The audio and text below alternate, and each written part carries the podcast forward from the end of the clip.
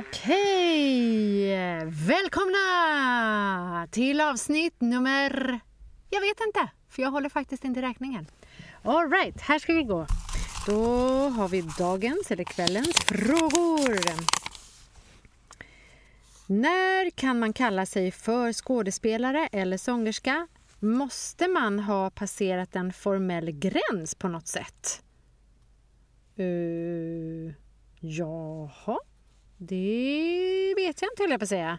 Egentligen i teorin skulle man väl kunna kalla sig för skådespelare eller sångerska när man vill.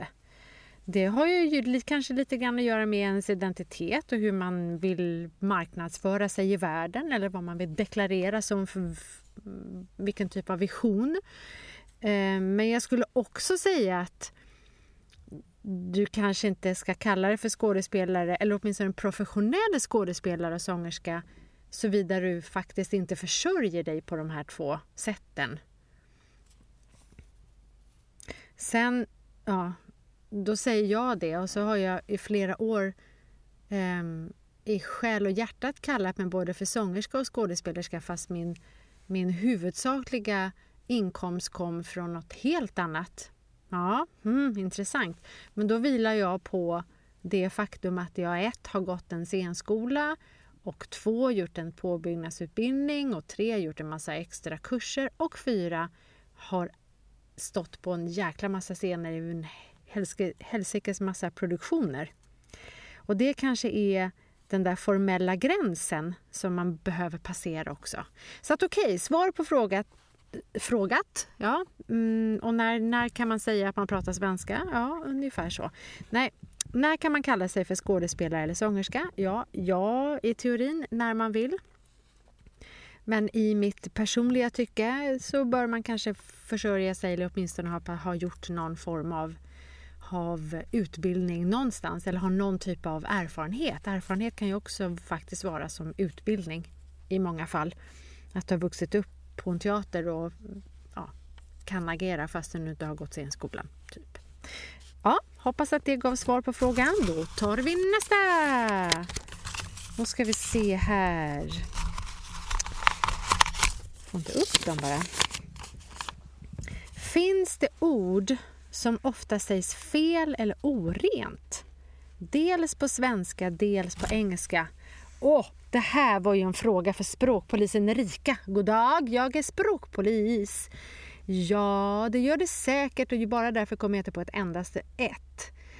Jo, då ska vi säga så här. Det är väldigt vanligt i dagens samhälle att man säger vart om precis vad som helst fastän man menar var. Det stör mig enormt mycket. Där kommer språkpolisen Erika igång väldigt mycket av att många varningsklockor som går igång där. Eh, vart är en riktning? Vart är vi på väg? Eh, vart ska vi åka? Vart är du på väg? Ja, någonting sånt. Nu var inte det så jätteroliga exempel där, men i alla fall.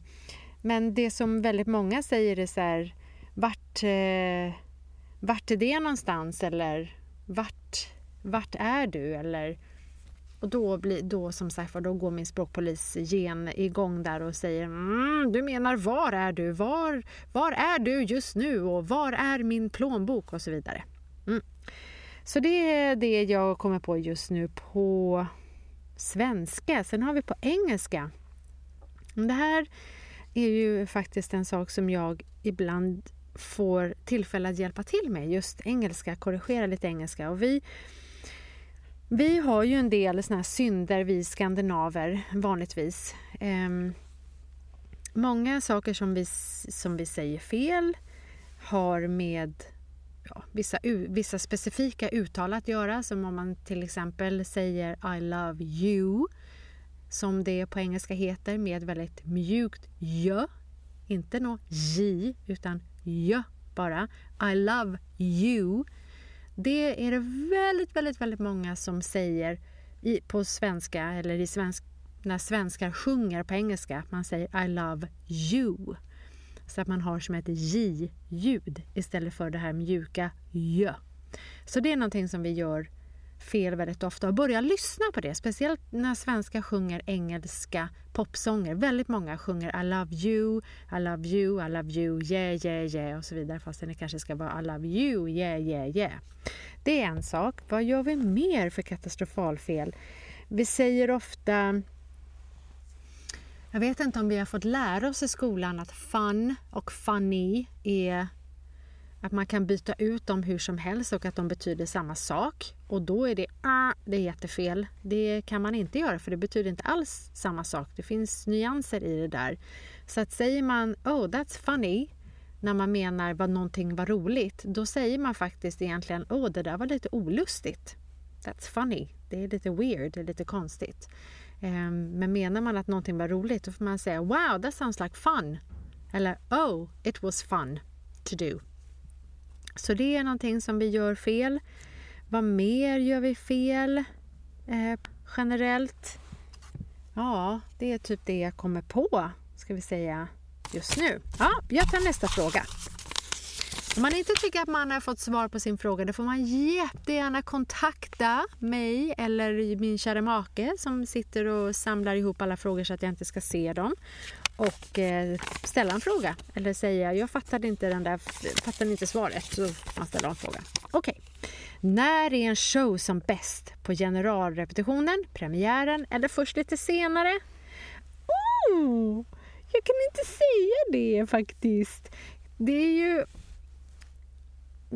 en show förändras ju. En teaterföreställning eller en, en show förändras ju ofta och det är ju det är jättehäftigt med repetitionsprocessen tycker jag. Du, mm, man jobbar med teamet, det är fortfarande väldigt mycket förändringar som sker och Eh, och så. Och sen så har du nerverna inför premiären eller du kanske dessutom har ett genrep med publik. Då är man ju faktiskt väldigt pirrig även för ett publik, eh, eh, publikrep. Men sen är ju premiären alltid en premiär. Det kanske är kritiker där och press är där och du kanske har massa vänner som har kommit och ska titta och så vidare. Då är det jättepirrig bara för att det är premiär och för den här storslagna trumman. Men egentligen kanske inte föreställningen sitter för att du gjorde den sista ändringen för typ en halvtimme sen. Ehm, så att om man säger då när man har kommit in i, i föreställningen och den rullar på så att de här premiär eller oh, allting känns fortfarande väldigt nytt och osäkert, nerverna har börjat lägga sig, då går man ju in i nästa fas. Då börjar det ju oftast hända saker i, i en föreställning just för att dynamiken är lite så här, jag börjar känna mig ganska säker. Nu vill jag börja sträcka ut mig här eller provocera den där personen på scen och leka lite mer med, med det där eller mm, säga en replik som på ett helt annat sätt eller någonting sånt. Och sen självklart så är det väl oftast väldigt känslomässigt när en föreställning stängs och du spelar sista föreställningen. Då kan det vara både roligt och lite sorgligt bara för att det är sista föreställningen. Så att jag skulle säga en sån här typisk eh, diplomatiskt svar. När är en show som bäst? Always. Alltid. Okej, nästa fråga, nästa fråga, nästa fråga. Oj, du är en polis som ringer upp en livsfarlig gangster. Du tror först att du har övertaget, men istället hamnar du i verbalt underläge. Åh nej! Åh nej, vilken svår grej! Det här var ju nästan som det känns som totalt omöjligt. Vem, vem har skickat in den här frågan? Den här... Ja, nej, så kan jag inte säga. Eh, jag, jag skojar bara, det var bara ett skämt. Okej, okay det hade kanske varit roligare att få göra en livsfarlig gangster istället för en polis. Men okej. Okay. Ja, nu ska vi... Mm, då ska, hmm, då ska vi prova detta. Eh, ring, ring. Eh, ja, hej. Det här är Erika. Jag är mm, kommissarie på Polisarbetet i Stockholm. Är det herr livsfarlig gangster som jag pratar med? Ja, Ja, vad trevligt. Ehm, så här är det att vi och jag har ju lett eh, en eh, massa spaningsuppdrag på dig och du... Förlåt? Ja. ja. N nej, alltså... Ja, nej... Nej, men alltså det jag försöker... Ja. Ja, aha. Vadå min chef?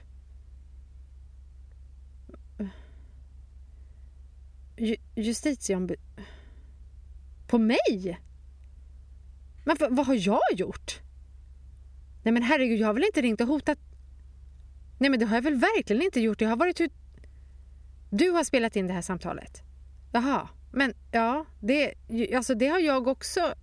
Nej, det hade vi inte. Nej. Eh, ja, förlåt? Ja. Ja, vi får väl säga så då. Ja, tack. Hej. Ja, det var spännande. Hoppas att, eh, hoppas att det gav eh, lite skratt där. Ja. Har du en metod för att lära in texter och repliker? Ja, den första är, det är väldigt enkelt, är att läsa dem. Eh, både texterna och repliker. Om det är texter i sångtexter till exempel, då lär jag mig dem ofta genom att eh, sjunga, sjunga, sjunga, sjunga och lyssna oftast på eh, sånger om det finns möjligt att, att lyssna. Um, om det är en ny musikal då kan man oftast inte lyssna på det sättet för att då finns det ingenting att lyssna på oftast.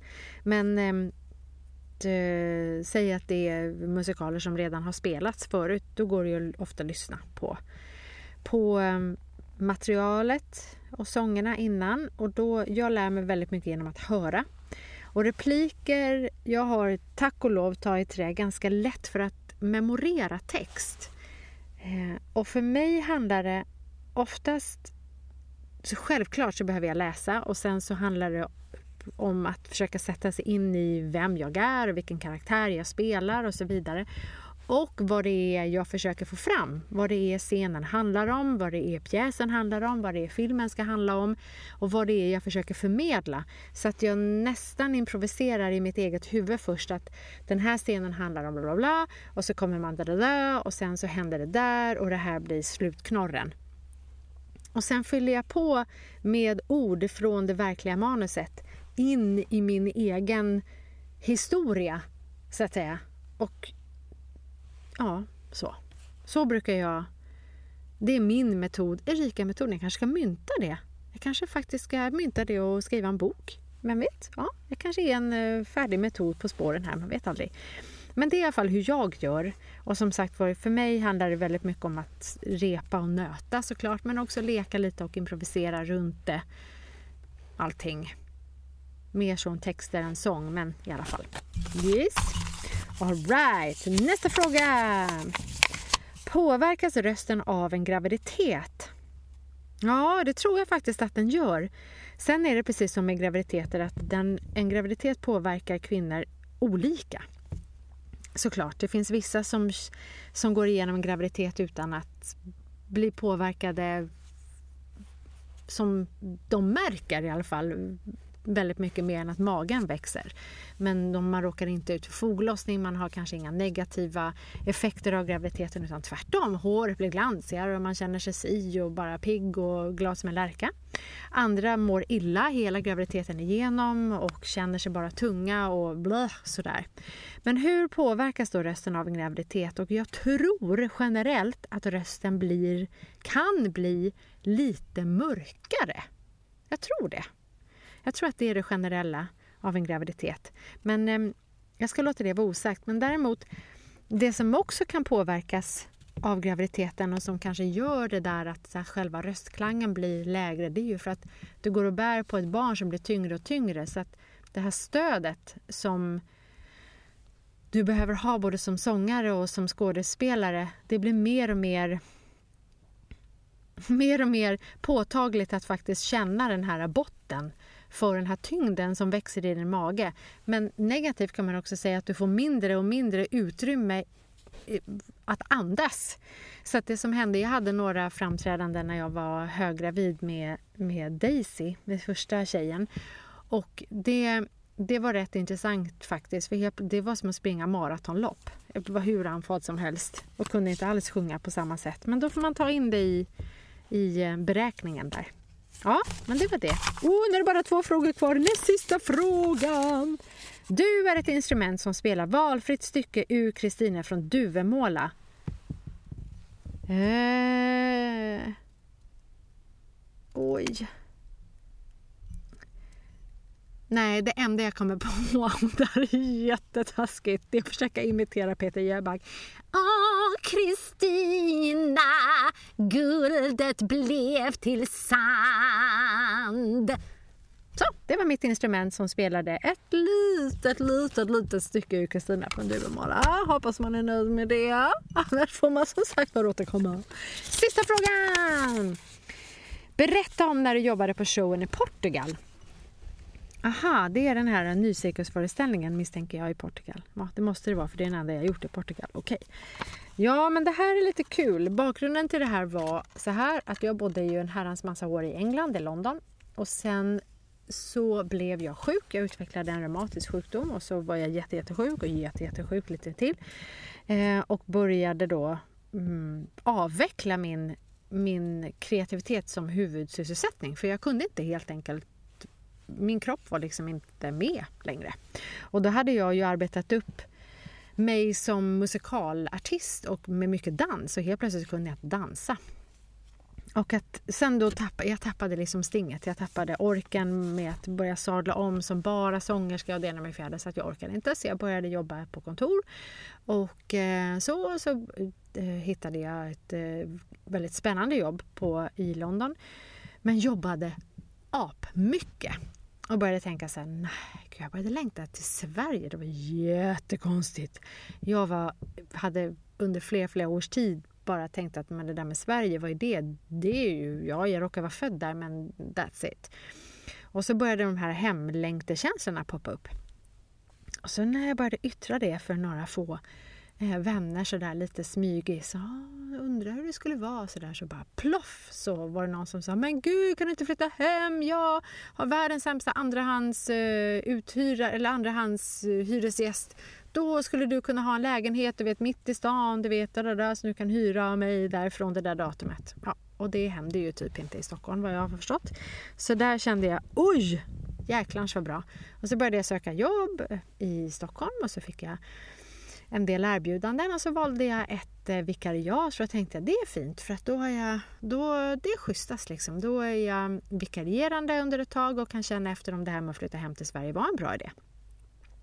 Sagt och gjort, jag flyttade hem och jag fick den andrahandslägenheten och jag började på det här nya jobbet och började liksom sakteliga känna mig som att jaha, nu har jag flyttat hem till Stockholm, vad spännande. Och även fast jag är född i Stockholm och pratade svenska så var det som att flyttat till ett helt nytt land. Jag hade ingen aning om hur saker och ting fungerade. Vad då Försäkringskassan? Varför måste jag vara med där? Vad, vad då facket? Varför ska jag vara med där? Vad då a-kassa? Vad är det för någonting? Fattade ingenting. Och la allt det där på hyllan. Och så en dag så... Och då hade jag väl varit hemma kanske i två, tre månader någonting. Fyra kanske, max fyra. Så ringer telefonen, eller om det var, ett, det var nog ett, nej, det var ett mejl först. Eh, med typ så här, vi har blivit rekommenderade dig, kan du eh, återkoppla? Vi håller på att producera en stor eh, nycirkusföreställning i Portugal. Vi är ungefär 40 dansare. Det finns en till sångerska, hon är från England. Och vår kapellmästare och bla bla bla. Vi har hört talas om dig. Bla bla bla. Och jag tänkte bara, men det här är ju sådana saker som aldrig... Det, det här händer ju inte att någon bara kontaktar mig sådär. Och vem, vem har de hört hur har de hört talas om mig och vilket register finns jag med i där som de har lyssnat på och sett och sådär. Så jag blev väldigt nyfiken så jag kom svarade men tänkte samtidigt i bakhuvudet att det här är ju ett skämt eller så är det totalt oseriöst. Men jag svarade i alla fall för, för att jag var väldigt nyfiken. Eh, varpå då den här producenten säger Åh, tack för att du svarade, åh vad trevligt. Och saken är ju den också att vi har ju premiär väldigt snart och av olika anledningar så har vi fått skicka hem våra två första sångerskor. Eh, men snälla skulle jag kunna få ringa dig för att eh, vi behöver prata igenom resten på telefon. Ja. Så då gav jag mitt mobilnummer och de ringde på utsatt tid och då är den här den ena producenten var ett, en samproduktion mellan tre olika parter och just den här parten han är nu ska vi se att jag säger rätt. Han, han är baserad och har sitt kontor i USA. Han är gift med en amerikanska men han själv är halvfransk, halvportugis. Så han har en väldigt spännande eh, brytning. Men han var ungefär så här på telefon.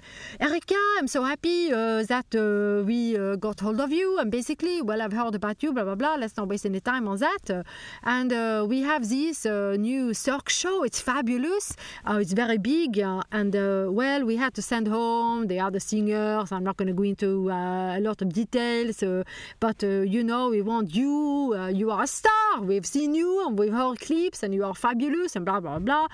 Uh, but I also have to ask, are you fat? Och sen blev det tyst. Och jag svarade, I'm sorry, but did you just ask me if I'm fat? Oh yes, uh, you know what it's like, uh, show business, uh, and uh, well, this is a Cirque show and it's a casino, and they are kind of used to naked bodies, and of course nobody's going to be naked here, but uh, you know, blah blah blah. Uh, well, uh, I'm sorry, but then I'm going to have to stop you because I guess, I guess in in showbiz terms, and and that's where you're coming from. Then yes, I am fat. you are so funny. No, seriously, I don't want to come out and pack up everything that I've now unpacked in Stockholm, pack it all up again and go to Portugal to have you think that I'm too fat when I've actually now already warned you that yes, you know, I'm a, I'm a UK size 10 to 12 sometimes, depending on if it's a top or a bottom that's, you know, going onto my body. So depending on that, and if that's too big for you, then I'm fat. Oh, but I'm sure you're exaggerating. No, I'm not exaggerating. And, no, ni förstår, den typen av konversation hade vi. Så det där var ju lite så här, oj, eh, okej, okay, de är verkligen amerikanska. Det här har jag aldrig varit med om i hela mitt liv. Men hur som haver så fick jag 24 timmar på mig att tänka över detta. Jag fick prata med kapellmästaren, jag fick prata med den andra sångerskan, då den andra, andra sångerskan, eftersom de hade skickat hem den första första sångerskan och den andra andra sångerskan. Um, nej, oh, skitsamma. Den första första sångerskan och den första andra sångerskan, precis. Och eh, jag fick då Charlotte på telefon hon var supertrevlig och vi kände gemensamma mm, personer och sångare och agenter i, i England. Och jag googlade på det här produktionsbolaget som den här Crazy eh, French Portuguese Person. Ja visst, det var ju legitimt och även det andra produktionsbolaget Poet Productions, jättestort i USA. De gör fantastiska föreställningar både för fem och sexstjärniga kryssningsfartyg och nycirkusföreställningar. Och jag kände bara oj, det här är ju jättespännande. Och en superutmaning eftersom det innebar att jag fick... Det landade i mitt knä en, en, ett sånguppdrag där jag faktiskt bara skulle stå och sjunga. Inte behöva dansa. Så att det spelade ingen roll ifall jag hade ont en dag, bara jag kunde stå upp och sjunga. Så det var ju fantastiskt. Så jag tackade ja och eh, det var med väldigt kort varsel som jag då fick packa ihop mig igen i Sverige. Jag hade en vecka på mig, kom ner och sju dagar senare så hade vi premiär. Så det var verkligen så här wham bam thank you ma'am and here we go. Men det komiska i det här var ju det att de skämtade ju inte med, med det var ju så überamerikanskt med eh, det här med vikten och hur man såg ut. För att det första jag fick göra innan jag ens hade träffat de här producenterna, det var att den personen som hämtade mig på flygplatsen i Lissabon eh, pratade med någon på telefon i Portugal medan hon synade mig i sömmarna där. Så jag misstog att aha, redan nu har, har jag blivit kontrollerad för att se ifall jag är stor, fet, kort, lång eller om det är sant det jag har sagt. Aha, mm -hmm, aha, so far so good. Vi sätter oss i bilen och åker bort. Jag försöker konversera lite med henne, hon försöker konversera lite tillbaka men sitter egentligen mest och pratar på portugisiska på telefonen med någon. Eh, vi kommer fram till det här kasinot, Casino Estoril som är jättestort in i personalingången, skyfflas ner, bort, bla bla bla. Det här är den nya ja, signeringen av papper där för att man ska få någon så här passerkort. Ner till kulverterna där alla loger och allting fanns och most importantly stora syateljén för där fanns ju klänningarna som jag skulle ha på mig. Det var enorma kreationer, enorma headdresses och eh, stora balklänningar som var specialsydda i Asien för att passa en väldigt liten person. Och alla klänningar, tack och lov, passade. En av dem med nöd och näppe. Och jag kände att ja, det här kommer bli en liten utmaning för att jag kan knappt andas, men det tänker jag inte avslöja för dem alls för fem öre. Utan de tittade på mig ungefär som här, ja, okej, okay, they fit. Okej, okay, good. Och då kände jag att ja, det var då jag var anlitad. Det var ingen som brydde sig för fem år om jag kunde sjunga där och då. Huvudsaken var att jag passade klänningarna och då var jobbet mitt. Så det var det. Sen eh, var jag där i nio månader. Föreställningen fortsatte ytterligare nio månader tror jag men det var många av den här original cast som slutade efter nio månader för att det var så mycket som kändes som rutin och ganska tråkigt. Jag hade inte stått ut en dag till kan jag säga. Eh, och det var fantastiskt på jättemånga sätt men också en utmaning på väldigt många sätt eftersom just det här amerikanska var... Vi hade invägningar varenda vecka, kan ni tänka er? Alla. Eh, det var vissa av akrobaterna och The Special Act som hade lyckats, eh, som var så stora stjärnor att de hade lyckats få det utskrivet ur sina kontrakt. Men jag var inte så stor stjärna så, så, lyckades, så att jag lyckades skriva ut det ur mitt kontrakt utan jag fick snällt väga in mig i, med ja, 95 procent av resten av casten varje vecka. Och det var helt absurt. Jag har aldrig varit med om maken, vare sig före eller efter. Så det var den, eh, den jobbigaste faktiskt delen av det. Men förutom det var det fantastiskt. Och jag lärde känna Portugal lite grann och eh, trivdes väldigt bra där. Och eh, of course made friends for life as you do. Um, ja, så det var det. Men hörni, det var sista frågan. Tack för idag! Hör av er och har ni frågor, vilket jag hoppas att ni har, så skicka dem till min mail. Då är det erika erikadittmer.com. Eh, alltså mitt namn, förnamn snabel för efternamn tillsammans.com. Och märk gärna mejlet med fråga eller frågor. För att då automatsorteras det in och hamnar i en mapp som bara min man läser. För att eh, jag får inte se de här frågorna innan jag ställer mig i båset som nu för att annars så blir det ju inte spontant. Nej, precis. Hörni, tusen tack. Eh, vi hörs. Puss och kram. Hej!